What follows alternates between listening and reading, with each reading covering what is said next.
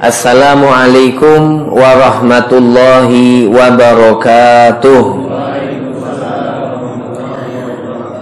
Alhamdulillah Alhamdulillahilladzi hadana li hadza wa ma kunna linahtadiya laula an hadanallah Ashhadu an la ilaha illallah wahdahu la syarikalah wa ashhadu anna sayyidana wa nabiyyana Muhammadan abduhu wa rasuluh wa habibuhu wa safiyuhu wa khaliluh. Allahumma salli wa sallim ala sayyidina wa maulana Muhammadin al-fatihi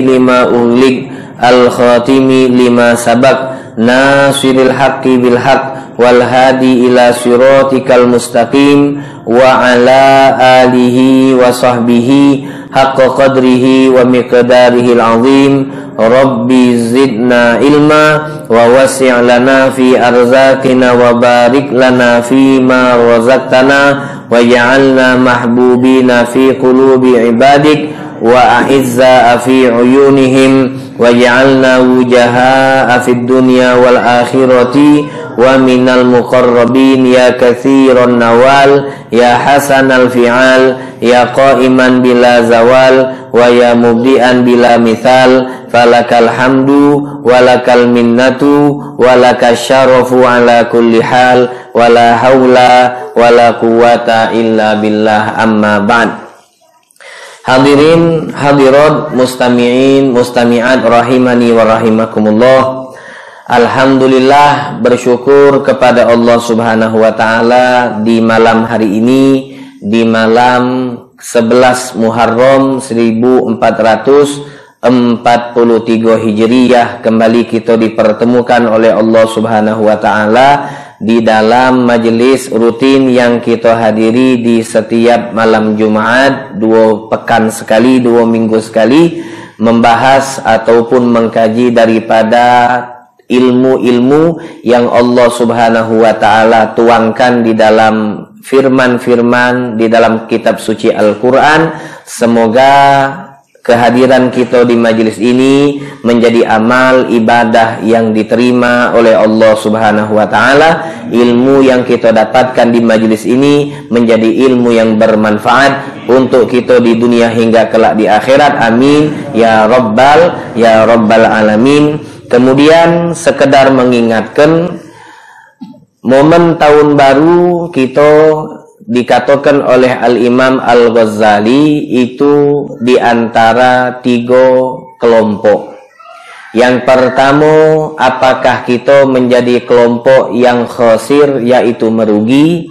Siapa yang merugi yaitu yang keadaan tahun ini sama seperti daripada tahun kemarin apa yang kita lakukan daripada kebaikan-kebaikan di tahun yang lalu jikalau kebaikan-kebaikan tersebut sama seperti apa yang kita akan lakukan pada tahun ini maka kita dikatakan oleh Al-Imam Al-Ghazali sebagai seorang yang khosir yaitu seorang yang merugi. Yang keadaannya tahun ini hari ini minggu ini bulan ini sama seperti hari-hari sebelumnya Kemudian atau kita menjadi kelompok yang kedua naudzubillah yaitu kelompok kelompok yang halik yang celaka. Apa itu kelompok yang celaka? Yaitu man kana yaumuh syarron min amsih. Barang siapa hari ini, barang siapa minggu ini, bulan ini ataupun tahun ini itu keadaannya lebih buruk dibandingkan keadaan dia di hari, pekan, uh, bulan ataupun tahun yang yang lalu. Ini namanya apa halik orang yang celaka. Maka jikalau ada keadaan kemarin kita apa namanya alhamdulillah beribadah kepada Allah berusaha untuk menjauhi maksiat Kemudian di tahun ini malah terbalik keadaannya, dia bukan memperbanyak ibadah akan tetapi memperbanyak maksiat, maka ini namanya wong yang celako. Kemudian yang ketiga dan inilah yang kita harapkan yaitu robihun orang yang beruntung. Siapa yang beruntung? Man kana yaumuh khairon min amsih. Siapa yang hari ini, minggu ini, bulan ini, tahun ini lebih baik dibandingkan hari, minggu, bulan ataupun tahun sebe sebelumnya. Maka inilah yang kita harapkan di tahun yang baru 1443 Hijriah kita berniat untuk meningkatkan kuantitas dan kualitas ibadah kita kepada Allah kepada Allah Subhanahu wa taala. Yang mungkin tahun lalu alhamdulillah kita sudah istiqomah untuk melaksanakan sholat wajib lima waktu yang berjamaah mungkin jamaahnya belum limo baru maghrib isya samu subuh maka insya Allah kita bertekad limo waktu galu-galunya kita kerjakan secara berja berjamaah. Kemudian di tahun lalu mungkin kita masih galak bolong-bolong di dalam sholat sunnah rawatib qobliyah ataupun ba'diyah maka di tahun ini kita berniat kita bertekad untuk melaksanakan sholat sunnah rawatib, qobliyah dan ba'diyah secara sempurna. Kemudian mungkin di tahun yang lalu kita masih sering meninggalkan daripada sholat sunnah duha ataupun sholat sunnah tahajud ataupun witir. Maka di tahun ini kita berniat untuk istiqomah berusaha semaksimal mungkin melazimkan mendawamkan daripada sholat sunnah duha, sholat sunnah witir ataupun sholat sunnah tahajud. tahajud. Insya Allah kalau di awal tahun daripada tahun baru 1443 Hijriah kita pasang niat tekad dengan niat-niat yang baik insya Allah niat-niat yang baik ini akan diberikan oleh Allah kemudahan untuk kita biar bisa mewujudkannya sehingga kita mendapatkan taufik untuk melaksanakan apa yang kita niatkan daripada perbuatan amal-amal yang baik yang diridhoi oleh Allah Subhanahu Subhanahu wa taala. Insyaallah tahun ini menjadi tahun kemudahan untuk kita tahun ini menjadi tahun yang menjadi tahun kemenangan untuk umat Islam. Amin ya rabbal alamin. Hadirin hadirat, mustamiin mustamiat rahimani wa rahimakumullah. Malam hari ini kita akan membahas satu ayat yang dikenal atau disebut oleh ulama sebagai ayat yang terpanjang di dalam Al-Qur'an ayat yang terpanjang di dalam Al-Quran. Ayat tersebut yaitu salah satu ayat yang tercantum di dalam surat Al-Baqarah ayat 282. 282. Ini ayat ayat yang terpanjang yang membahas tentang cara berhutang. Jadi ayat yang terpanjang itu Allah men menjelaskan di dalam ayat ini tentang mekanisme hutang piu piutang mak mano caronyo kita berhutang dengan cara yang ba yang baik kalau kita ngenjuk utang dengan ngenjuk utang caronyo juga dengan cara yang yang baik sebelumnya atau di pelajaran sebelumnya kita sudah membahas tentang ayat riba. Kita tahu riba ini sangat identik dengan u dengan utang. Kita memberikan hutang, kemudian kita membebankan kepada wong yang berhutang kepada kita dengan bunga ataupun dengan tambahan yang lebih daripada pokok hutangnya. Nah, ini namanya riba. Karena sebelum ayat hutang ini menjelaskan tentang riba dan riba ini sangat identik dengan hutang piutang, maka setelah ayat riba Allah cantumkan ayat tentang hutang piu hutang piutang. Allah berfirman di dalam Al-Qur'an ayat uh, 282 di dalam surat Al-Baqarah ba'da a'udzu billahi minasyaitonir rajim bismillahirrahmanirrahim ya ayyuhalladzina amanu idza tadayantum bidainin ila ajalin musamman faktubuh wal yaktub bainakum katibun bil adl wala ya'ba katibun ayyatuba kama 'allamahu Allah falyaktub wal yumli lilladzi alaihi alhaqqu wal yattaqillaha rabbahu wa la yabkhas minhu syai'a fa in kana alladhi 'alil haqqu safihan aw dha'ifan aw la yastati'u ayyumilla huwa falyumlil waliyuhu bil 'adl wastashhidu syahidaini mir rijalikum fa illam yakuna rajulaini farajulun wa imra'atani minasyuhada'i wa imra'atani mimman tardawna minasyuhada'i an tadilla ihdahuma fatudzakkira ihdahumal ukhra wala ya'ba syuhada'u idza ma du'u. Wala tas'amu an taktubu saghiran aw kabiran ila ajali dzalikum aqsatu indallahi wa aqwamu li syahadati wa adna alla tartabu illa an takuna tijaratan hadiratan tudirunaha bainakum falaysa alaikum junahun alla taktubuha wa ashhidu idza tabaya'tum wa la yudarra katibu wala syahid wa in taf'alu fa innahu fusuqum bikum wattaqullah wa yu'allikum wa yu'allikum wa yu'allimukumullah wallahu bikulli syai'in alim. Ini satu ayat.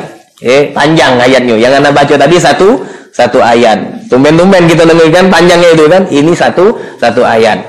Allah berfirman, "Ya ayyuhalladzina amanu, wahai orang-orang yang beriman." Artinya kalau dipanggil sebuah ayat itu Allah mulai dengan panggilan untuk orang yang beriman pertanda ini ayat uh, turunnya di kota Madi di kota Madinah. Ya ayyuhalladzina amanu wahai orang-orang yang beriman.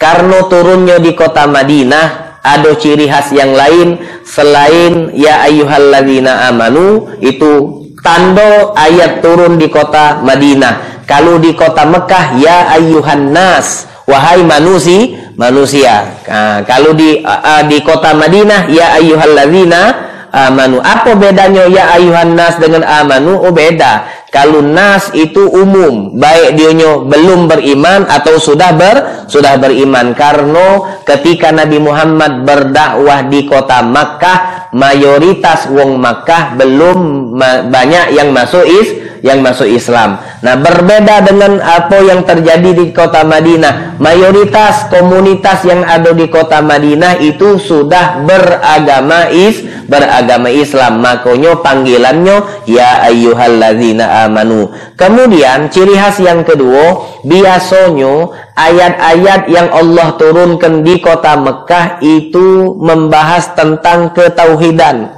Ilmu tahu tauhid tentang ketuhanan. Kenapa tentang ketuhanan? Karena di kota Mekah masih banyak penyembah-penyembah berhala.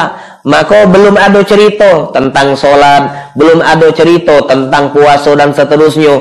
Apa namanya fokusnya Nabi Muhammad ditugaskan oleh Allah di kota Mekah masih makmano cara beliau mendakwahkan apa dakwah Islam ataupun dakwah tahu tauhid. La ilaha illallah Muhammadur Rasulul Muhammadur Rasulullah. Dan kalau ayat itu turunnya di kota Madinah ciri khasnya adalah biasanya membahas atau membincangkan tentang hukum-hukum syariat tentang sholat, tentang puasa, tentang muamalat dan seterusnya dan seterusnya itu biasanya ada hukumnya di apa penjelasannya Allah turunkan di da, di kota di kota Madinah. Nah, ini ciri khas daripada ayat antara ayat kota Mekah dengan ayat yang Allah turunkan di kota di kota Madinah. Ya ayyuhalladzina amanu, wahai orang-orang yang beriman, Iza tadayantum jikalau kalian melakukan akad hutang piutang.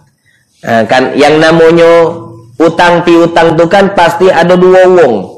Siko yang menju utang, sikoknya yang baru yang berutang. Makanya iza tadayantum bidainin jikalau kalian melakukan akad hutang piutang ila ajalim musamma yang mana hutang piutang tersebut kalian tentukan ajal. Kalian tentukan waktu. Yang namanya ajal tu waktu. Yang namanya ajal tu tim tempu yang namanya utang tentu ada waktu batas. Yang namanya utang tentunya biasanya lumrahnya ada tim tempu ila ajalin musamma. Yang mana ajal tersebut musamma. Apa makna musamma? Yang sudah disepakati. Disepakati oleh kedua belah pihak. Yang berutang sama yang yang ngenjoi yang ngenjoi utang. Jadi tergantung kesepakatan. Kalau misalnya kita datang ke rumah wong nak berutang, kemudian yang ngenjuk yang nak kita pengen berutang sama dia, ngenjuk tempo singkat dia nak makso kita, maka kita kalau dak baca merasa terbebani ya tinggal cari wong lain baik. Nah, ya tinggal cari wong lain. Kalau memang kita merasa tidak pacak, tidak mampu untuk meluna, melunasi sesuai tempo yang dia pengen. Nah, kan kemarin sudah kita ketahui di dalam Al-Quran Allah mengajarkan ketika kita ngutangi wong kemudian wong yang berutang tadi tidak melunasi hutangnya padahal sudah jatuh tim tempo maka kita jengok keadaannya. Fa in kana dzu usratin fanadhiratun ila mai maisaro. Kita jengok kalau memang wong ini nih ternyata tidak mampu belum mampu dia melunasi hutang. Dia ada tekad. Dia ada niat untuk melunasi hutang tetapi memang ternyata belum belum mampu dia melunasi hutangnya maka Allah menyatakan fanadhiratun ila maisaroh. Maka hendaknya yang ngenjuk utang ngenjuk lagi tambahan tim tempo sampai kapan? Ila maisaroh. Sampai kira-kira dia dapat keringanan dapat kemudahan untuk melunasi dia punya hu hutang. Jadi hutang ini sifatnya fleksibel. Hutang piutang ini sifatnya fleksibel. Katanya Allah Allah memberikan tawaran kepada wong yang menjoi utang, tawarannya tawaran pahalo, bukan tawaran duit di dunia baik, tawarannya tawaran paha pahalo. Kalau kau nak dapat pahalo lebih, terutama kau sudah dapat pahalo menjoi utang. Kita ngutangi wong tu pahalo. Ngutangi wong paha pahalo, tergantung tapi dia ngutang untuk apa? Jangan asal be. Kalau ngutangnya untuk wakwe, untuk taulah ini, untuk sesuatu yang haram, kita tahu yang datang ke kita dionyo nak minjem duit sama kita untuk dibelikannya benda-benda yang haram. Nah, misalnya narkotika sabu. Eh wong sabu ni kan ladas. Dia mm, pacak nian nyari duit. Bukan nyari duit nyari gawe bukan. Di mana ada duit dia pacak nyari yo eh maling-maling jangan ke rumah wong rumah dewek lagi terpaling Nah ini eh, rumah dewek lagi terju, terjual gara-gara sabu ini luar biasa dahsyat efek daripada uh, sabu ini mudorotnya sangat luar biasa. Nah kalau kita tahu yang berutang sama kita ni dia nak ngunokan duitnya untuk perkara-perkara yang haram, jangan kita utangi. Boleh kita ngomong aku tak kati. Tidak berbohong itu aku tak kati. Tak kati duit untuk minjemi kau. Kalau untuk minjem yang lain boleh. Nah ini kan kita apa bahasa bekelah. Eh kita bekalah kita nyari-nyari bahasa nyerempet eh bahasa ujung lapan eh. Bahasa bahasa nyerempet nyerempet supaya dionyo tidak berutang sama kita tidak masalah. Cuma kalau misalnya wong yang nak berutang tadi untuk anaknya sekolah untuk beli obat ibunya yang sedang sah, sedang sakit, untuk ngejuk makan keluar keluarganya yang sedang lapar. Nah, kita ngutangi dia itu sudah dapat pahala dari Allah lebih besar pahala dibandingkan pahala sedekah yang sudah kita bahas kemarin. Kemudian Ketika kita jengok ternyata dia tidak mampu melunasi dia punya hutang di waktu yang sudah kita tentukan dengan dia. Eh aku menunjukkan sebulan. Misalnya kita menunjuk sebulan, ternyata tidak mampu. Fanadiratun ila maisarah. Allah menawarkan pahala yang kedua. Berikan dia keringanan sampai uh, dia mampu melunasi hutang. Dan pahala yang ketiga yang lebih besar wa anta sodda daku kalian itu lepaskan hutangnya sudah. Kalau kau tidak mampu tidak usah bayar hutangnya. Aku anggap sudah lu sudah lunas. Nah ini apa namanya? Adab daripada wong yang menjoi utang. Kalau memang berhadapan dengan wong yang tidak mampu melunasi hutang di tempo yang sudah diten ditentukan. Untuk wong yang berutang Eh untuk wong yang berutang, ini ada cerita menarik, cerita yang nyato, kisah nyato terjadi di masa kepemimpinan Khalifah Abdul Hamid yang kedua. Waktu itu beliau ini punya amalan. Punya amalan apa cerita sangat terkenal. Eh sangat terkenal. Mungkin kalau kamu pernah nonton videonya, ada itu videonya dibuat film. Ada Raja Abdul Hamid ini ada filmnya. Eh film dibuat film Beliau ini ada amalan tidaklah beliau tidur kecuali sebelum tidur beliau bersolawat kepada Nabi Muhammad Sallallahu Alaihi Wasallam. Anak lupa jumlahnya sehingga anak seribu kali. eh beliau tidak tidur kecuali beliau bersolawat kepada Nabi Muhammad seribu kali. Nah, waktu itu di zaman beliau pernah ada wong yang miskin, wong yang miskin yang sedang terlilit utang. Wong yang dia miskin terlilit uh, utang. Sudah ditagi karena sudah jatuh tempo akhirnya dionya bukan nak mayar memang tak kasih duit. Untuk ma untuk mayar kepepet kepepet dia berdoa kepada Allah Subhanahu Wa Taala.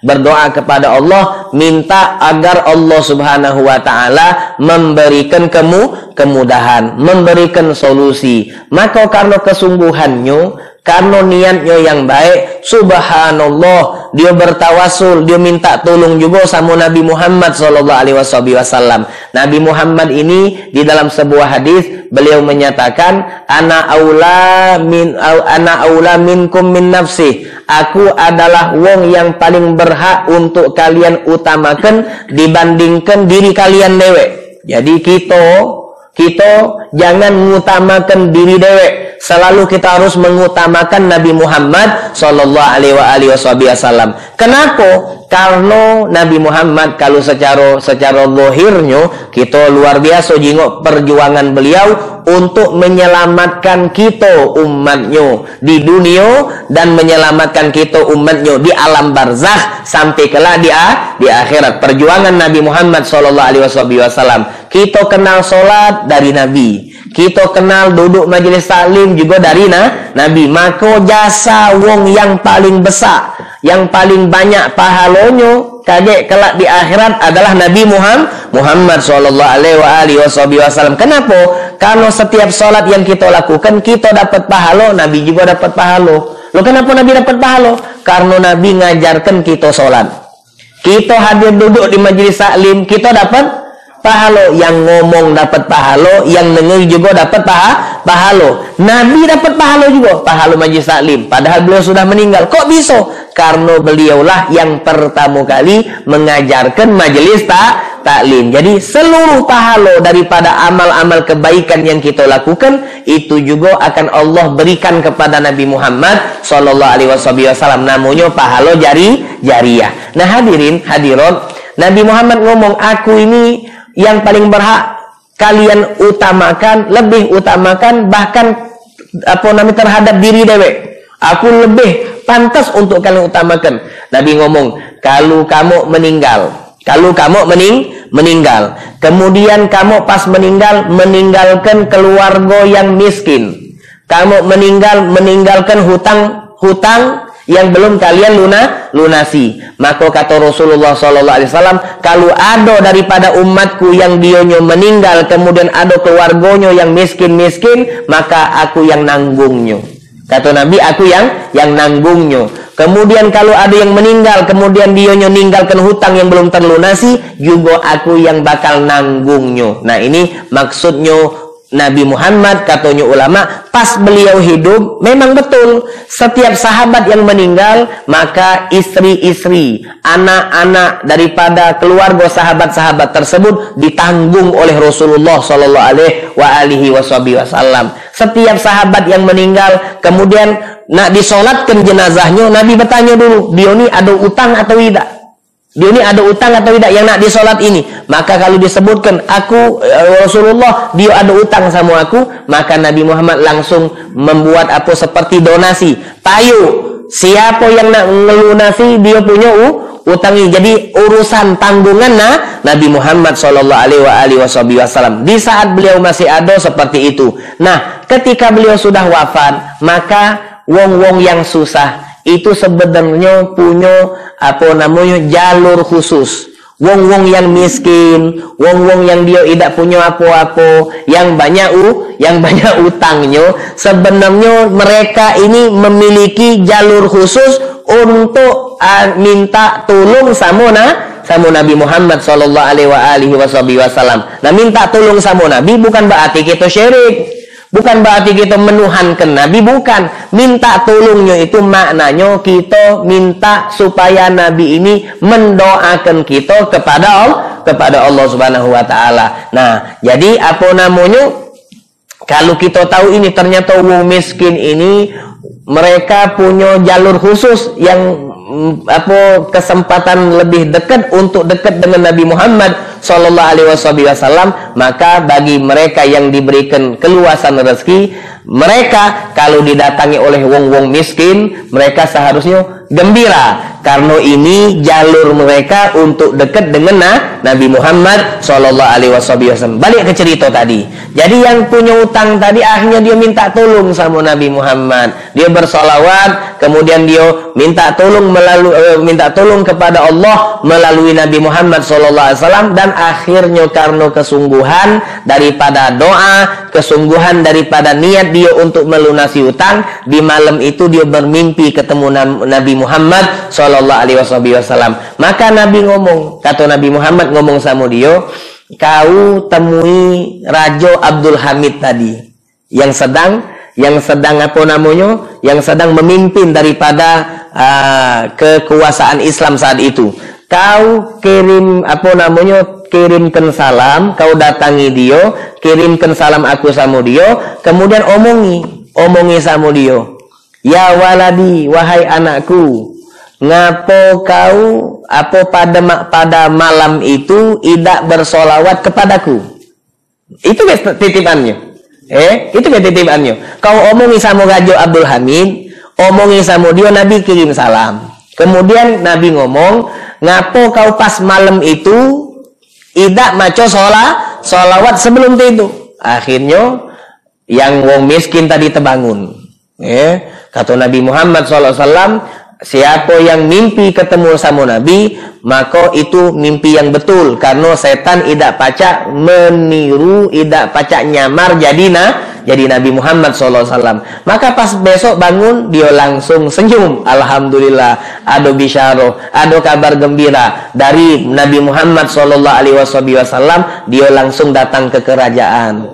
Pas datang sampai di kerajaan, tentu setiap raja ada hajib setiap raja ada ada apa namanya uh, asisten-asisten yang kita tidak pacak ketemu sama raja kecuali lewat lewat asisten itu dulu kalau wali kota ni apa namanya ajudan eh? Ada ajudan ajudannya. Nemui ajudan ajudan dulu. Nah akhirnya ajudan ini bertanya kau ngapo nak datang nak ketemu sama raja tidak do aku ni nak nyampe ke pesan dari nabi. Nak nyampaikan pesan dari na dari nabi? Oh ajudan ni heran. Eh, alang ke apa namanya? Alang ke soknya wong ini nyampaikan pesan ni nak nanggung-nanggung bukan dari presiden. Pesan dari na Nabi Muhammad wasallam. Akhirnya ajudan tadi dengan rasa takut dia mendatangi raja kemudian menyampaikan bahwasanya di bawah itu ada tamu yang pengen menghadap. Dia ngomong sama sama aku bahwasanya dia ada pesan untuk engkau yang mana pesan itu datangnya dari Nabi Muhammad wasallam. Jadi Raja Abdul Hamid ini terkejut bang terkejut eh ada pesan dari Nabi. Mak mana ni yang cerita ya tu. Dipanggil lah. Dipanggil akhirnya beliau cerita. Apa namanya? Aku ni uh, datang dari sini. Kemudian aku berdoa kepada Allah. Lalu aku bermimpi ketemu sama Nabi Muhammad SAW lalu Nabi berpesan sama aku untuk nitipkan salam sama kau. Lalu beliau ngomong bahwasanya beliau bertanya ngapo waktu malam itu kau tidak solawat ngapo kau waktu itu tidak tidak solawat akhirnya tadi terkejut dari mana kau tahu? Dari mana kau tahu bahwasanya aku malam itu malam itu tuh jadi malamnya tuh disebut oleh Nabi langsung. Nah ini artinya menjadi dalil untuk kita setiap solawat yang kita baca itu tahu Nabi. Eh jadi kita solawat itu apa namanya kita sadar atau kita tidak sadar Nabi Muhammad itu langsung di detik bersamaan di saat kita baca Allahumma sholli ala Sayyidina Muhammadin wa ala ali Sayyidina Muhammad. Waktu itu juga sekarang juga ada malaikat yang langsung nyambungkan solawat kita sama Nabi. Tidak katik delaynya, tidak pakai apa jaringan le lelet, tidak katik langsung. Eh, tidak, tidak nunggu kuotanya, tidak katik. Eh, tidak katik sinyal, tidak katik. Langsung malaikat ditugaskan oleh Allah nyampaikan solawat salam kita kepada Nabi Muhammad Sallallahu Alaihi Wasallam. Jadi ini dalil. Jadi raja tadi terkejut. Nah, inti kok tahu bahwasanya malam itu aku tidak solawat. Aku memang setiap malam baca salawat kepada Nabi sebelum tidur seribu kali. Kau tahu dari mana? Oh katanya, wong tadi aku tidak bakal tahu kecuali dari na, dari Nabi Muhammad sallallahu alaihi wasallam. Maka karena gembiranya dia, karena senengnya dia, ternyata salawat dia selama ini itu nyampe kepada na, Nabi Muhammad Shallallahu Alaihi Wasallam. Maka dia tanya kau butuh apa? Nah mulai bahasan kan? Ini solusi Nabi yang nunjuk. Kau butuh apa? Nah diunjuklah apa? Dia bahkan dalam dalam apa? Dalam riwayat yang lain dikatakan uh, omongan Nabi itu ya waladi wahai anakku ya ya, ya Hamidi ya Abdul Hamidi wahai Abdul Hamidku. Wahai Raja Abdul Hamidku. Ada kunya itu. Kau ulangi lagi ucapan Nabi wahai Abdul Hamidku dimetu ke ponjen. Ponjen isi kepingan emas ulangi lagi kalimat itu wahai Abdul Hamidku metu lagi. Wahai Abdul Hamidku metu lagi metu lagi sampai ajudannya gugup. Payo lagi habis kaget. Nah akhirnya setelah dikumpulkan ternyata duit yang dinjuk tadi cukup untuk melunasi utang bahkan le lebih. Nah ini artinya kalau kita yang punya utang dan memang kita ini memang niat dari awal nanda bermain-main kita pengen mayang utang nian. Nian nian pengen mayang mayang utang cuma mak mano pandemi. Ya dah ya? Mak mano kan corona PPKM istilah yuk level 1 2 3 4 nah ini tak baca kita ngaturnya. Tak baca kita nak maksa sendiri kita pengen mayang utang cuma keadaan tidak memung tidak memungkinkan. Sudah diomongi sama yang kita berutang sama dia. Payulah bos, mintalah kelonggaran. Pahamlah bos tuh. Bos makin nyawa pula. Iya, paham paham. Aku juga sango. Nah, kan?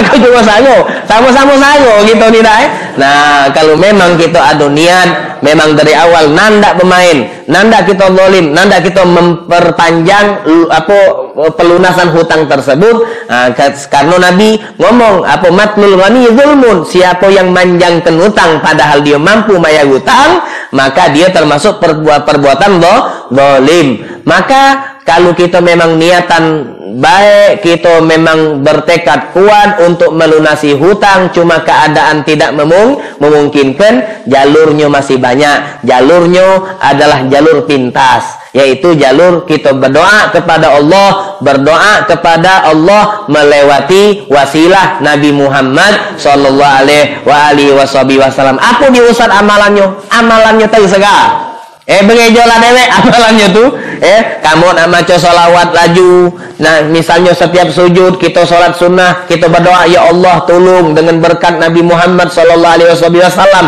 Ngomongnya di jangan kita ngomong maki lisan juga sholat ya Allah tolong dengan berkat Nabi Muhammad aku nih punya utang sama bapak pulan sama bapak pulan bapak pulan agak dulu kata malaikat siko-siko. Eh banyak utang nih kan nah minta tolong ya Allah berikanlah aku keringanan kemudahan keluasan rezeki untuk melunasi utang. Yakin.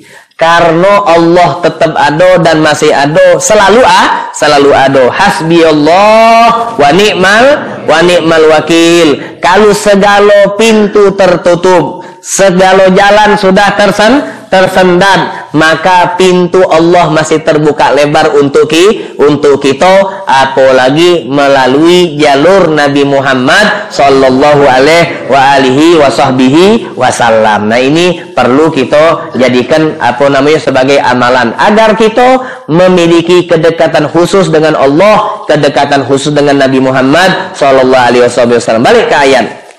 Ya ayyuhalladzina amanu wahai orang-orang yang beriman idza tadayantum bidainin ila ajalin musamma jikalau kalian melakukan akad hutang piutang di, di dan dengan kesepakatan waktu tempo yang telah ditentukan faktubuh maka catatlah. Ini perintah Allah. Kalau ada utang piutang Utang piutang nih bisa ber, ber, ber, apa, berbentuk seperti ini.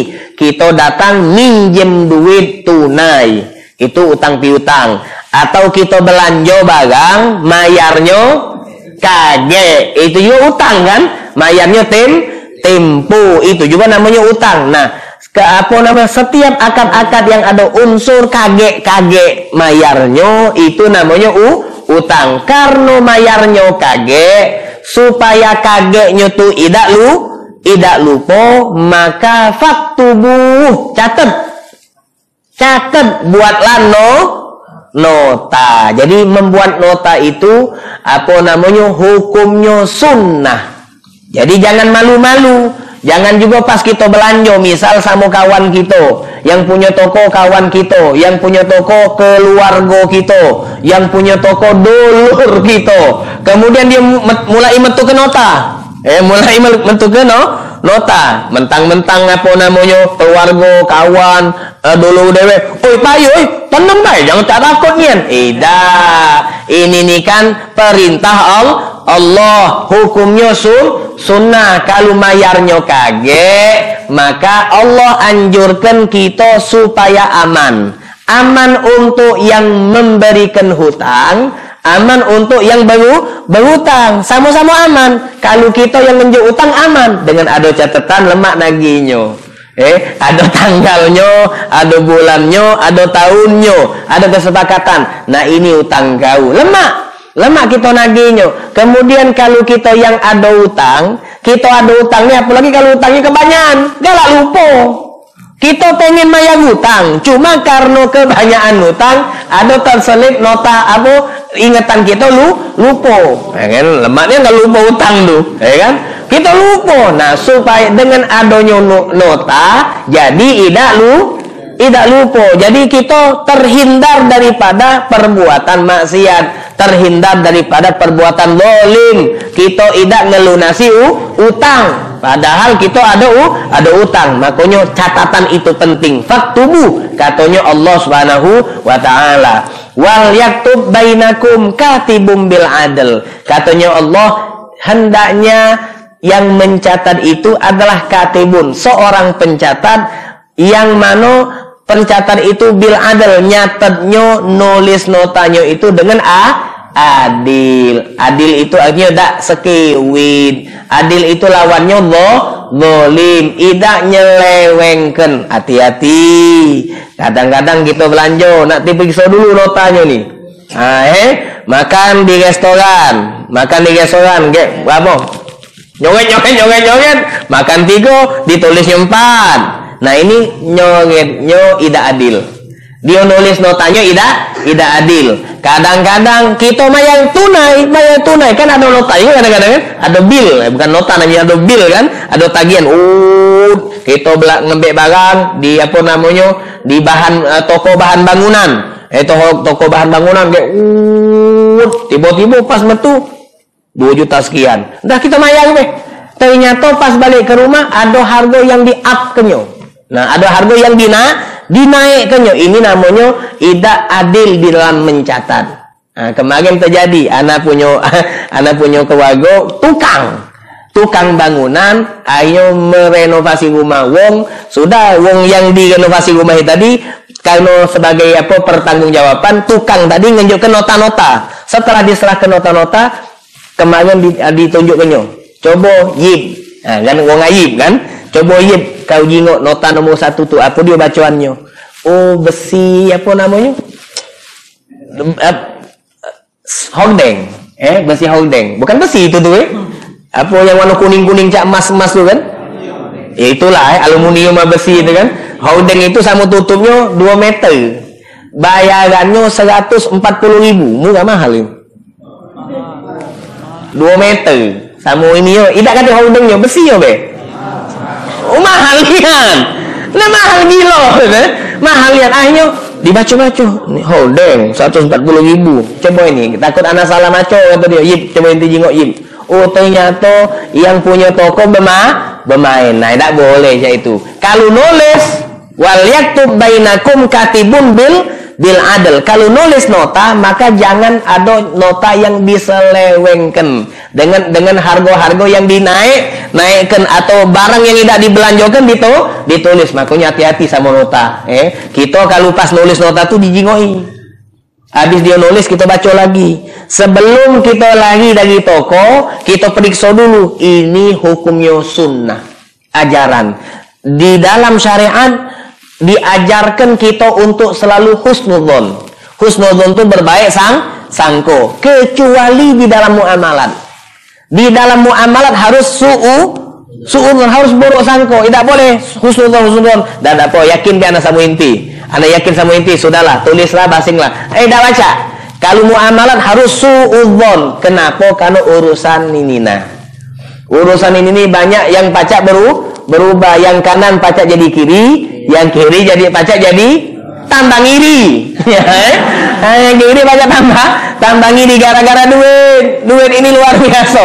Yang kanan jadi kiri yang kiri tambah tambah ngiri nah kanyut. Nah makanya harus jelas-jelas. Harus jelas-jelas. Nota kalau dicatat maka bil adil. Catatlah dengan keadilan. Maka anak sering ditanya apa namanya Ustadz, kalau misalnya anak disuruh belanja, disuruh belan disuruh belanja oleh kantor. Disuruh belanja oleh kantor. Untuk membelanjakan misalnya barang tertentu baju batik misal. Beli baju bah beli baju batik melinya di pasar 16 melinya di pasar 16 maka pas di pasar 16 baju batik itu sega, untuk seragam tadi sikonya gegonya aslinya tuh 40 Ma asli itu 40 ribu, 40 ribu.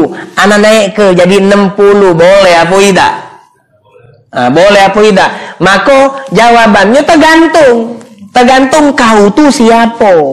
Kalau kau tuh diutus oleh kantor untuk beli ke barang, maka kau tuh bukan reseller namanya. Cuma wakil kantor baik, kantor nitip amanat minta tolong beli belikan belikan artinya harga di 16 itulah harga yang kita laporkan ke ke pucuan kita ke kantor kita. Nah payahnya payahnya sekarang ni apa dia? Wong tentang itu tak tahu menau oh sago kalau kayak itu tuh eh kalau kayak itu tuh 44 tak boleh duit. Nah tidak boleh duit. Akhirnya apa dia? Akhirnya apa dia? Dia ngomong sama yang punya toko. Ini repot urusannya.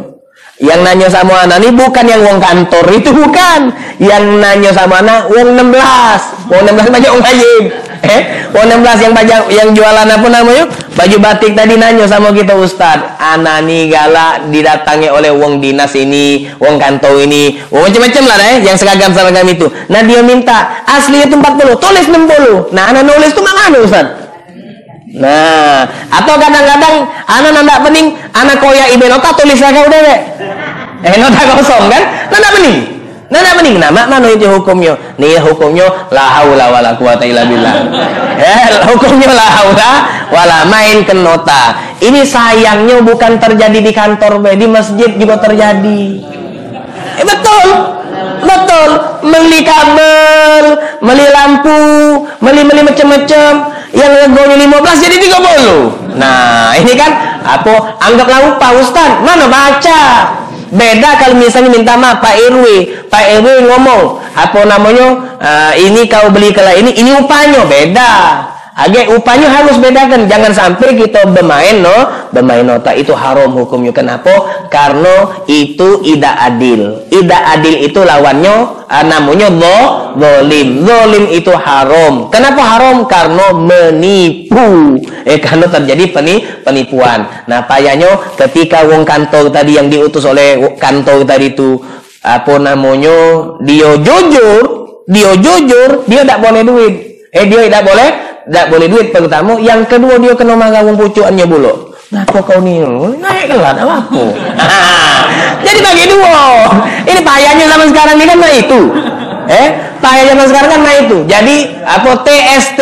Tahu sama tahu. Nah, ini hati-hati. Allah dengan tegas. Allah menyatakan wal yaktub bainakum katibun bil bil adil. Catatlah nota dengan betul. Jangan ada penyimpangan, jangan ada penyelewengan. Itu kalau dia disuruh. Beda kalau reseller. Reseller itu mak mano? Apa namanya? Dia apa ngembek barang dari agen.